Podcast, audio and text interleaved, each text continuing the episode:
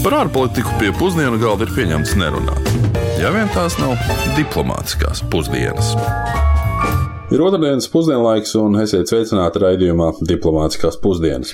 Esiet sveicināti, un šodien mēs runājam par pasaulē visapdzīvotāko demokrātisko valsti. Nu, un šeit, protams, mēs nerunājam gluži par Ķīnu, bet par Indiju. Indija gan, nu, ja vien to var klasificēt kā valsts ar reāli funkcionējušu demokrātiju, tad jā, jo nu, Ķīnas gadījumā demokrātija tur ir vēl tālu. Nu, jā, kā parasti mūsu raidījumos mēs skatām valstu politiskās un arī ekonomiskās peripētīs, lai sniegtu jums, klausītāji, daudzpusīgu un arī dažreiz izklaidējošu ieskatu mūsu izvēlētajās valstīs. Pagājušajā nedēļā mēs bijām Antarktīdā. Nu, tur nav pat politiskās pārvaldes sistēmas, bet uh, Indijā uzreiz uh, jāpēta, vai tā ir patiesi demokrātiska vai nav. Nu, ņemot vērā to, ka vēl joprojām pastāv kastu sistēma, nu, liberālā demokrātijas forma pilnīgi noteikti valstī nepastāv. Bet ko par Indiju zina mūsu klausītāji Rīgas ielās? Nu, pieļauju, ka nemaz, bet tomēr to mēģināja noskaidrot Saulis Česbers. Ar ko jums asociējas Indija? Sena zeme ar interesantām tradīcijām. Es domāju, ka daudz kas mums ir derīgs no, no Indijas, nu kā lai saka, pārņemt. Īpaši es domāju, nu, tādā veselības jomā, sevis pilnveidošanas jomā. Patīkama forša valsts. Kaut kāds jau sakars mums ir Indijai ar Latviju ar garšīgu ēdienu, ar uh, netīrību, ar hinduismu. Man grūti to pateikt, tāpēc, ka, ko es redzēju televīzijā un kā viņi tur dzīvo, par to es nevaru kaut ko pateikt. Es domāju, ka par Indiju maz informācija. Ar vīraku ar vīraku, meditācijām, dažādām tādām garīgajām praksēm. Es nezinu, ar netīrām upēm. tas der vai kaut ko citu jāsauc. Tas der. Nu jā, ar netīrām upēm, laikam, man asociējās Indija. Uh, ar kariju, chicken tika, ar ēdieniem. Krāsaina, daudz cilvēku. Nu, Latvijā, ja pa pārtiku, nu, tad ir Indijas restorāni. Ar gangu, protams, ar govīm kā svētiem dzīvniekiem ar cilvēkiem, kuriem, pareizāk sakot, sievietēm, kurām pierē ir iezīmēta speciālā zīme. Nu, atklāt sakot, mani nepārsteidz mūsu klausītāju zināšanas, jo par Indiju pieejamās informācijas tiešām ir ļoti daudz, un tā ir dažāda, un arī par ļoti daudzām tēmām. Nu, mēs jau dzirdējām gan par pārtiku, gan reliģiju, vidi, arī kultūru. Jā, nu, Indija, Indija pilnīgi noteikti ir pazīstama valsts un pazīstama nepilnīgi 1,4 miljardus iedzīvotāju liela valsts. Un uh, viena pati Indija veido faktiski 17% pasaules iedzīvotāju. Un šajā ciparā ir gandrīz noķērusi jau iepriekš minēto Ķīnu. Patiesībā sakot, gan Indijas iedzīvotāju skaits ir trīskāršojies 60 gadu laikā. Šis cipars ir ļoti strauji mainījies trīs paudžu laikā. Bet, kā jau minēja arī viens no klausītājiem, tad uh, Indija ir viena no pašām senākajām civilizācijām, kuras saknes ir meklējams vairāk nekā 3000 gadu pirms mūsu ēras un augstāko posmu Indijas pusi pussalu sasniedz ap 4. un 6. gadsimtu jau mūsu ērā, Guptas dinastijas laikā, un šis arī bija Indijas zinātnes, mākslas un kultūras uzplaukums. Nu, ja mēs skatāmies par nedaudz tuvāku laiku, tad nu, Eiropiešu un sevišķi Britu klātbūtne un ietekme Indijā sākās gandrīz tūkstošu gadu vēlāk, tas ir aptuveni 16. gadsimtā, un 19. gadsimtā Indijas teritorijā jau dominēja Lielbritānija. Un tas bija slavenais Mahatma Gandijs un viņa nu, jau mūsdienās ļoti populārā nevardarbīgās pretošanās ideoloģija. Tas bija Džavahāls Neru un viņa politiskā izveicība, kas nodrošināja modernās postkoloniālās Indijas dzimšanu 1947. gadā. Un vēlāk sekojošos konfliktus un Pakistānas Islāmas republikas rašanos un vēl nedaudz vēlāk arī Bangladešas tautas republikas rašanos. Nu, Respektīvi, no Indijas atdalījās vēl divas iedzīvotāju skaitā milzīgas valsts šo politisko pārmaiņu procesu laikā 20. gadsimta vidū. Ar dažām no šīm kaimiņu valstīm Indijas attiecības joprojām ir visai saspīlētas. Bet, ja mēs runājam par Indijas etnisko sastāvu, tad valsts ir relatīvi vienveidīga, un indu ārieši veido divas trešdaļas no visas sabiedrības. Dravidieši aptuveni ceturto daļu no iedzīvotājiem. Hindu valodā gan runā tikai nepilni 45% valsts iedzīvotāji, pārējie runā nu, simtos mazāku minoritāšu valodu. Starp citu, angļu valoda arī ir viena no oficiālajām valodām, un šādu Oficiāli atzīto valstī ir vesels 23 valodas. Reliģiski, un to arī minēja klausītāji, protams, dominē hinduisms, kuram pieder gandrīz 80% iedzīvotāji, bet otra lielākā grupa arī vēsturiski ir bijusi musulmaņi, nu, un tie joprojām ir aptuveni 15%. Politiski Indija skaitās federāla parlamentārā republika. Nu, realitātē gan šajā milzīgajā valstī ir jāņem vērā gan etniskās, gan reliģiskās atšķirības, nu, un, protams, arī ekonomiskās atšķirības. Nu, vispār, ja tā paskatās, tad vēl vairāk arī dzimumu lomas tradicionāli ir milzīgs faktors efektīvi funkcionējošas un iekļaujošas demokrātiskas sistēmas pastāvēšanā. Bet, nu, ko nu tur runāt zinātniskos terminos, Indijas sabiedrībā, respektīvi, vēl joprojām pastāv kastu sistēma, kā arī rasisms pret tumšākas ādas krāsas pilsoņiem ir reāli traucējošs faktors vīriešiem un sevišķi jau sievietēm izkļūt no to sociālo-ekonomiskās situācijas. Nu, vienā vārdā to mēs varētu rakstīt ļoti plaši izplatīta dažāda veida diskriminācija. Indijas politiskā sistēma ar tās dažādajiem izaicinājumiem un problēmām ir eh, ļoti plaši apspriests temats, bet, uh, lai gūtu arī papildu skaidrību, mēs šo pašu jautājumu vaicājām arī doktorai Ahalijai Sielai no Džavarhalāla Nelu Universitātes. In Indian society, the lack of equality of opportunity is one of Indijas sabiedrībā viens no lielākajiem sociāla-ekonomiskās mobilitātes šķēršļiem ir vienlīdzīga iespēja trūkums. To veicina kastu sistēma, piederība rasei vai reliģijai. Otrs nozīmīgais šķērslis ir milzīgā ienākumu nevienlīdzība, kas pēdējo gadu laikā ir bijusi vienkārši fenomenāla. Īpaši izteikti tā bija pēc 1991. gada tā devētajā liberalizācijas periodā. Vēl mēs varam runāt par lielo iedzīvotāju skaitu lauku reģionos, jo apmēram 70% indiešu dzīvo tieši laukos ar ļoti ierobežotām un neskaidrām ekonomiskām iespējām. Iespējams, ka pats nozīmīgākais faktors ir zemais izglītības līmenis, jo arī tas liedz iespēju virzīties augšu pa sociālajām kāpnēm. Bērniem, kuri ir dzimuši daudz turīgākās un augstāk stāvošākās ģimenēs, ir arī lielāka piekļuve augstākas kvalitātes izglītībai, un tas arī noved pie tā, ka bagātie bērni izaug izglītoti un turīgi, bet nabadzīgie bērni tā arī visu mūžu var pavadīt nabadzībā. Uz iedzīvotāju dzīves līmeni un vietu sabiedrībā lielu ietekmi atstāja arī geogrāfiskā atrašanās vieta. Tā kā divas trešdaļas cilvēku dzīvo lauku reģionos, notiek aktīva iedzīvotāju pārvietošana pārvēršanās uz pilsētām, kur arī koncentrējas talantīgākie iedzīvotāji. Rezultātā aptuveni 30% iedzīvotāji tiek uzskatīti par iekšējiem migrantiem. Pie riskiem es gribētu pieminēt arī zemo sociālās aizsardzības līmeni. Šādas aizsardzības trūkums nabadzīgākajās sabiedrības aprindās situāciju tikai vēl vairāk pasliktina. Un visbeidzot, jaunatne. Indijā arvien lielāka kļūst gados jaunā sabiedrības daļa, un valdībai būs ļoti liels izaicinājums nodrošināt šiem cilvēkiem labāku izglītību un ekonomiskās izaugsmas iespējas. progress and growth.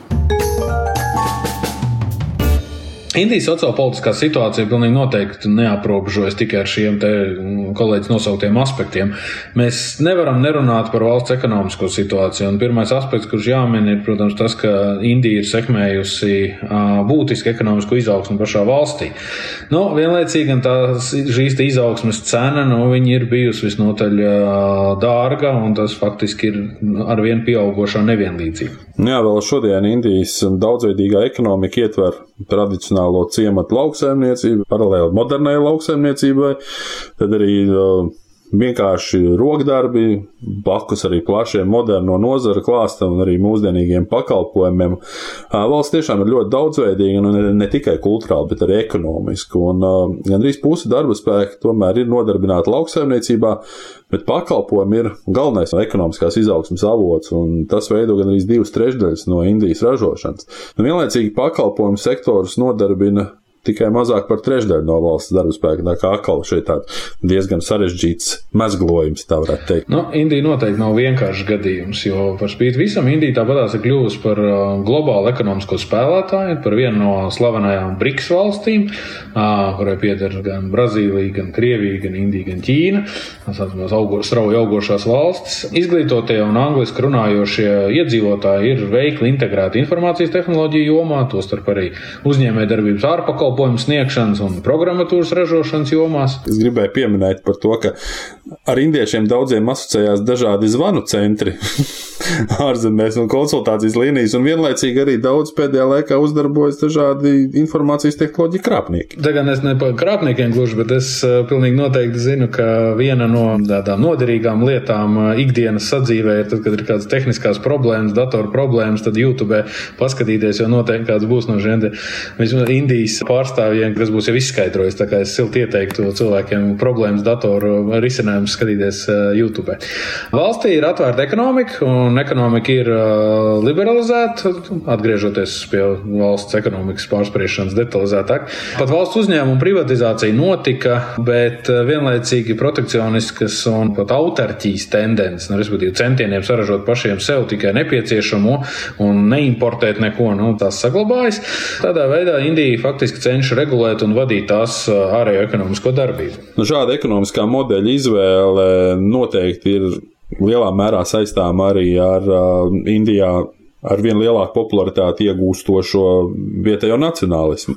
Bet runājot par dažādām ilgtermiņa ekonomiskajām problēmām, joprojām ir pieskaitāmas arī nu, tādas lietas kā diskriminācija pret sievietēm, meitenēm, neefektīva elektroenerģijas ražošana un arī sadalas sistēma, intelektuālā īpašuma tiesību neefektīva piemērošana, nu, un gadu desmitiem ilgas tiesvedības, nu, kaut kā ļoti līdzīgi mums arī dažreiz izvēršās tā. Tāpat ir ir novērojams nepietiekama transporta, lauksaimniecības infrastruktūra. Nu, es pieļauju, ka tas ir uz šādas lielas valsts fona diezgan pat saprotam. Runājot par izglītību, arī dažādas galējības. Tie, kas ir nu, bagātāki, tiem ir labāka piekļuve kvalitatīvai izglītībai, bet nabadzīgāko nu, šķiru pārstāvjiem šī kvalitatīvā pamatizglītība un augstākā izglītība ir ļoti grūti pieejams. Nu, un viens no faktoriem ar vien vairāk cilvēku tomēr no laukiem dodas uz pilsētām, kuras kļūst ar vien pārapdzīvotākas. Nu jā, nu tas jau ir atkal, protams, iepriekš minētais kastu sistēmas jautājums un diskriminācijas jautājums, kas pastāv pašā Indijas, Indijas valstī un sabiedrībā iekšienē. Bet, ja mēs paskatīsimies patiesībai acīs, tad nu, Indija ir trešā lielākā pasaules ekonomika, ja mēs skatāmies no pirktspējas paritātes viedokļa, un ar saviem nepilniem 9 triljoniem eiro tā ir spēks, ar kuru faktiski mēs nevaram nerēķināties. Indija ir arī viena no tām valstīm, kurai ir de facto ir kodolieroči un pasaulē otrs lielākais karaspēks. Nu, ja vēl tā vairāk paskatāmies, tad uh, Indija ir otrais lielākais ieroču importētājs jau gandrīz desmit gadus. Un šie ieroči pamatā gan nāk no Krievijas. Bet tie ir valsts iekšēji izaicinājumi un nesabalansētība, kas to padara par nepietiekamu globālo spēlētāju, piemēram, atšķirībā no tās pašas Ķīnas. Šeit varētu pieminēt, ka, piemēram, reālais IKP uz vienu iedzīvotāju Indijā ir apmēram 5 reizes zemāks nekā Latvijai. Nu jā, bet atkal, absolūtajos ciparos gan Indijas ietekme ir tik liela, ka tā var faktiski atteikties no dalības reģionālās visaptverošās ekonomiskās partnerības līgumā, kas tikko tika parakstīts. Nu, viņš gan vēl ir jāratificē visās valstīs, jo te ir spēcīgs iekšējais tirgus, un valstī negribas atdot pārāk daudz daudzpusējās sadarbības formātiem, nu, sevišķi tajos, kuros ir Ķīna iekšā. Šeit gan jāsaka, ka Ķīna tomēr ir Indijas lielākais importa partneris, no eksportā gan tomēr dominē ASV. Un tieši sadarbība ar ASV, arī Eiropas Savienību, arī Japānu ir ļoti būtisks elements Indijas ārpolitikā, jo nu, gal galā tā ir valsts, kurai blakus ir nedraudzīgā Ķīna, arī virknē nevisai varbūt draudzīga musulmaņu valsta.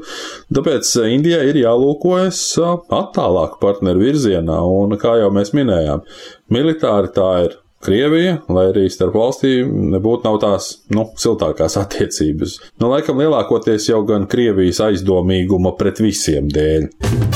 Lai cik būtu paēdis, vienmēr ir vieta arī desertam. 15 minūšu raidījums otrdienas pusdienu laikā ir daudz par maz, lai pilnvērtīgi izprastu Indiju. Nu, kā daudz pasaules lielvalsts, kuras esam aplūkojuši jau iepriekš, Indija ir fenomens, kur būtu jāapskata daudz detalizētāk un arī kā minimums garākā raidījumā. Tāpēc šodien sanāca tikai pieskarties šai valstī. Nu jā, nu, Cik tas ēteru laiks ir dots, tik arī ir jāņem pretī. Bieži vien nedaudz garākas raidījuma versijas ir pieejamas arī internetā un podkāstos. Bet, nu, protams, es arī piekrītu, ka zināšanas par pasauli 15 minūtēs iegūt nevar, un tāpēc arī mēs jau iepriekš esam vairāk kārt teikuši, ka par daudzām lielām un svarīgām valstīm mēs droši vien raidījumos stāstīsim atkārtot, pievēršoties arī kādam nu, citam, varbūt aktuālam tematam tobrīd. Nu jā, uz mazām valstīm tās 15 minūtes uh, vēl ir, vēl ir salīdzinoši relatīvi optimāli, bet nu, uz lielajām faktiski neiespējami. Bet uģi, ne par garumu ir jautājums, kas būs desertā? Karīs? Nu, es nezinu, kā karīs garšo saldējā, bet uh, daudz jau mums īstenībā par Indiju ir zināms, arī bez karija. Nu, tas, ka govs ir svētas, tas, ka valsts ir um, mitrāk apdzīvot vietos zemeslodes, lai cik tas dīvaini nebūtu, vēl daudz faktu. Jā, nu, piemēram, arī tas, ka um, valstī ir apmēram 300 tūkstoši mošeju un 2 miljonu hinduistu tempļu. Un uh, Raģistānā pat ir templis žurkām, starp citu, kas bija interesants fakts. Um, vispār hinduisms ir pasaulē vecākā reliģija, ko vēl joprojām praktizē praktizē, un tā ir vairāk nekā 5000 gadus veca, un tā faktiski ir trešā lielākā reliģija mūsdienu pasaulē.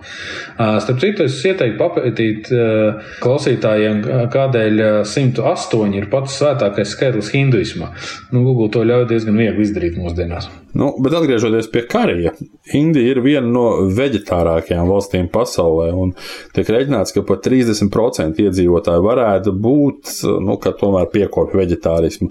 Nu, vēl vairāk tradīcija ēst ar pirkstiem ir pilnīgi absolūti normāli. Nu, par ēdienu runājot, Indijā runā, ka zemnieki esat atklājuši, ka Coca-Cola un Pepsi var izmantot arī kā pesticīdus. Nu, Tam gan ir bijis garāks stāsts un nepatīkamāks stāsts apakšā, jo kolas un pepsi ražošana daudzās vietās ir sabojājusi dzeramu ūdeni tā, ka šīs limonādes ir vieglāk pieejamas un uh, nekā parasts veselīgs ūdens. Kādreiz teica, ka uz kartupeļu lakstiem vajagot kolu iet virsū, tad nekādas kolorādo vaboles nemetoties virsū. Labi, nu, iespējams, ka jābeidz tomēr šis uzskaitījums. Nu, vismaz monētas var notīrīt. Mēģināju. Nažus arī. Redz. Nu, jā, iespējams, ka tomēr jābeidz šis uzskaitījums. Citādi, nu, es vēl sākšu pieminēt to, ka tiek uzskatīts, ka arī šampūns ir radies Indijā, ka cukuru sāka mūsdienu formā ražot Indijā. Tad es sākšu runāt par tēju, par to, ka valsts ražo ap 70% pasaules garšvielu, nu, un tā tālāk, un tā tālāk, un tā tālāk, un tā tālāk. Jā, nu, starp citu, mēs pat uh, Taģmahalu nepieminējām, bet nu, to laikam citreiz citā raidījumā. Nākamnedēļ jau uz Eiropas Savienību atpakaļ dosimies, tāpat dosimies uz Spāniju. Jā, un ar to arī skan mūsu šīs nedēļas diplomātiskās pusdienas. Šo raidījumu joprojām turpina veidot dr. Kārls Bukovskis, pašlaik Vašingtonā, no Latvijas ārpolitikas institūta, un arī Uģis Lībietis šeit pat no Pierīgas un no Latvijas radio. Klausieties mūsu raidījumu arī mūzikas straumēšanas rīkos, meklējiet to LSM un arī Latvijas radio mājaslapā. Uz sadzirdēšanos jau pēc nedēļas. Lai izdodas! Diplomātiskās pusdienas katru otrdienu pusdienos Latvijas Radio 1.